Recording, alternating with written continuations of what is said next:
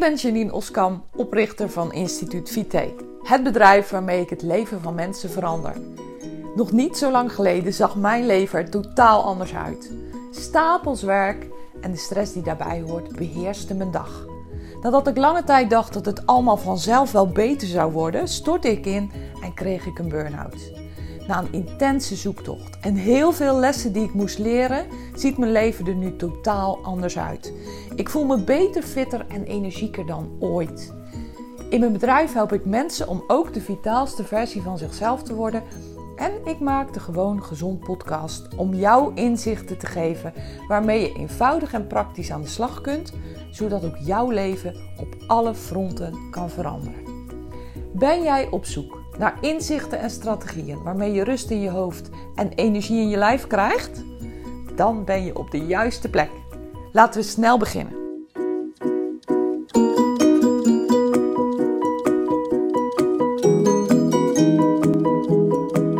Leuk dat je weer luistert naar deze nieuwe aflevering van de Gewoon Gezond podcast. Wat ik vandaag met je ga delen is heel bijzonder. Ik heb lang getwijfeld of ik het wel met je zou gaan delen, omdat het nogal privé is.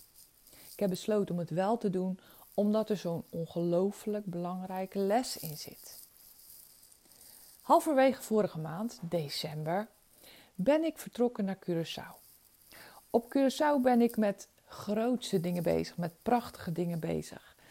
En eh, zakelijk, het komt er allemaal nog aan. Ik ga je er nog over vertellen. Maar er is ook nog heel erg veel te doen voor het zover is. Dus ik zou drie weken naar Curaçao gaan om daar dingen op poten te zetten, te gaan regelen, uh, om ermee aan de slag te zijn. Een paar dagen nadat ik was vertrokken, kreeg ik het bericht dat mijn moeder was opgenomen in het ziekenhuis. Nou, mijn moeder is 91, heeft uiteraard een fragiele gezondheid. En ja, de grond zakte dan ook onder mijn voeten weg. Ik werd misselijk. Ik wist echt even niet wat ik moest doen. Ik had stress. Ik was verschrikkelijk ongerust. Komt het wel goed? Want het was helemaal niet zeker of het goed zou komen. Ik had daarom een ongelooflijk dilemma. Ik was aan het wikken en wegen. Ga ik terug? Blijf ik hier? Um, nou, het heeft ook nog een aantal dagen geduurd voordat ik echt knopen heb doorgehakt. In die tussentijd zat ik natuurlijk hele lange tijd uh, met mijn zus aan de telefoon, aan de app. Uh, eigenlijk continu met mijn hoofd bij thuis. Ik heb mijn beste vriendin opgebeld en haar gezegd: Wat moet ik doen? Wat zou jij doen? Niet dat ik de beslissing voor jou ga laten afhangen, maar wat moet ik doen? Ze zei: Joh, je moet doen wat je hart je ingeeft. Nou, dat was dus heel snel gefixt. Ik heb besloten om terug te gaan. Maar dat besluit, dat hield nogal wat in. He, want ik wilde ook zo snel mogelijk teruggaan. Um, ja, en dan kan je wel zeggen dat kan niet. Daar waren allerlei dingen die nog moesten gebeuren. Er waren allerlei dingen um, die ik van plan was te gaan doen. Maar ja, besloot om terug te gaan. Waarom? Omdat er eigenlijk geen twijfel was. Ik moet gewoon terug. Het besluit was eigenlijk vrij snel genomen, maar toen kwam natuurlijk het geregel. Mijn vlucht moest omgeboekt worden. Ik was daar samen met mijn man. Hij zou eigenlijk eerst nog langer blijven. Dus uh, wij stonden samen uh, op, op de boekingsnummer. Uh, dat, dat kon dan weer niet dat de een wel terugging en de ander niet. Een hoop gedoe. Ongelooflijk veel telefoontjes. De klantenservice van KLM was absoluut niet te bereiken, want het was natuurlijk inmiddels um, over de helft van december. En het zou zomaar zo kunnen zijn dat heel veel mensen rond die tijd op reis gaan. Dus die was niet te bereiken. Nou, kortom, uh, een hoop gedoe, een hoop geregel. Maar wat denk je? Natuurlijk is het voor elkaar gekomen. Dat is ook nog de vraag: hoe ga je dan terug vanaf Schiphol? Uh, zou een van mijn kinderen me ophalen? Ehm, mijn jas lag nog in de auto. Wat, hoe moest dat dan zonder jas? Natuurlijk zijn dat hele kleine dingetjes, hè? Maar je kan wel op je klompen aanvoelen dat er een heleboel geregeld moest worden. En dat is gewoon gebeurd. Ik ben gewoon teruggegaan, een paar dagen later. Ik heb mijn koffer ingepakt, uh, heb, heb mijn spullen bij elkaar gepakt, heb gedaan wat nodig was. En ik kan je vertellen, dat was heel wat. Om zo snel mogelijk terug te zijn, gewoon hier in de buurt van mijn moeder. Want ik was natuurlijk wel gewoon op Curaçao tien uur vliegen bij haar vandaan. En uiteindelijk een dag reizen bij haar vandaan. Want met dat vliegen alleen ben je er niet. Je moet dan ook nog naar de luchthaven. Je moet daar wachten. Nou ja, goed, afijn. Iedereen die wel eens een, uh, een intercontinentale vlucht heeft gemaakt, weet dat daar behoorlijk nog wat aan vast zit en achteraan hangt. Want zo is het gewoon. En als je me de vraag had gesteld, zou je hier vooraf voor kiezen? Hè? Zou je uh, al dat geregel en al dat gedoe, uh, zit je daarop te wachten? Nee, natuurlijk niet. Maar het was voor mij een must-have. En of het nou ingewikkeld was of niet, ja, dat doet er op zo'n moment helemaal niet toe. En ik kreeg allerlei reacties van mensen. Hartstikke lief. Uh, uh, van uh, knap dat je dat zomaar doet. En wat dapper. Um, wat ingewikkeld. En wat moest je er allemaal wel niet voor doen. En goed dat je het hebt gedaan. Mooi besluit. Ja, natuurlijk. Maar ik moest het wel allemaal doen. En mijn vraag aan jou is: wat zou jij gedaan hebben? Nou, en waarschijnlijk hoef je daar helemaal niet lang over na te denken. Waarschijnlijk zou je hetzelfde gedaan hebben als mij. Gewoon terug koffer inpakken, spullen erin gooien en ga met die banaan. Toch? Dat is bij eigenlijk iedereen die ik spreek de reactie. En eigenlijk praat ik er niet met heel veel mensen over buiten mijn privékring, juist omdat het zo privé is.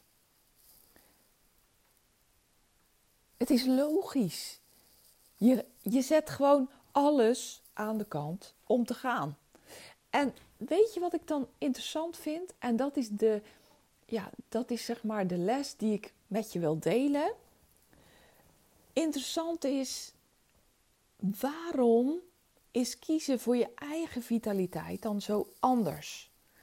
want ik heb, ik heb ervoor gekozen om in de buurt te zijn van mijn ouders. Natuurlijk, vindt echt helemaal niemand gek. En als er iets met mijn kinderen gebeurd zou zijn, zou ik absoluut 100% hetzelfde hebben gedaan. Als er iets gebeurt met een dierbare, dan doe je dat. En dit is natuurlijk iets onverwachts, iets groots, iets, um, ja, iets, iets waarover je niet eens na hoeft te denken. Het is een must-have, zoals ik al zei. Maar de eigen vitaliteit is is zo anders. En ik heb er echt over nagedacht of ik dit zou delen, want het is iets echt heel privé van mij. Ik zie mensen om me heen die ik spreek jarenlang denken over keuzes die natuurlijk gewoon een fractie zijn van dit, hè? En hoe komt dat? Want ik moest inderdaad mijn vlucht omboeken en weet je, het kon me niet schelen of dat me geld zou kosten, of wel of niet. Nou ja, hoe dan ook kost het je geld. Je moet van alles veranderen. Uh, de autohuur kreeg ik echt niet terug. En uh, uh, als dat dan wel zo is, dan moet je daar de grootst mogelijke moeite voor doen. Maar in ieder geval schiet je er financieel nooit mee op. Pardon, maar lever je erbij in. Dat weet iedereen, toch? Dat is gewoon een gegeven. Maar dat, dat was helemaal geen issue voor mij. En de keuzes die mensen te maken hebben voor hun vitaliteit zijn echt een fractie van dit. En hoe komt het dan dat ze echt soms jarenlang moeten denken of ze het wel of niet doen? Die mensen die hebben allerlei klachten. Stress, loop over van de stress, druk in hun hoofd, hoofdpijn, slecht slapen, ongelooflijk moe, ruzie met hun partner, want ze zitten gewoon heel erg beroerd in hun vel. En ik denk dan, lieve mensen, het is een roep van je lichaam. En wat is nou eigenlijk belangrijk voor jou? Wil je dan echt de vernieling indraaien? Het is mij 6,5 jaar geleden overkomen. Niet luisteren naar je lichaam. Gewoon maar doorgaan. Niet de keuzes willen maken. Helemaal geen ingewikkelde keuzes. Maar gewoon keuzes voor je eigen gezondheid. En het steeds maar niet doen. Mijn advies aan jou, mijn les uit dit, als ik hierop terugkijk. Ondertussen gaat het gelukkig weer goed met mijn moeder.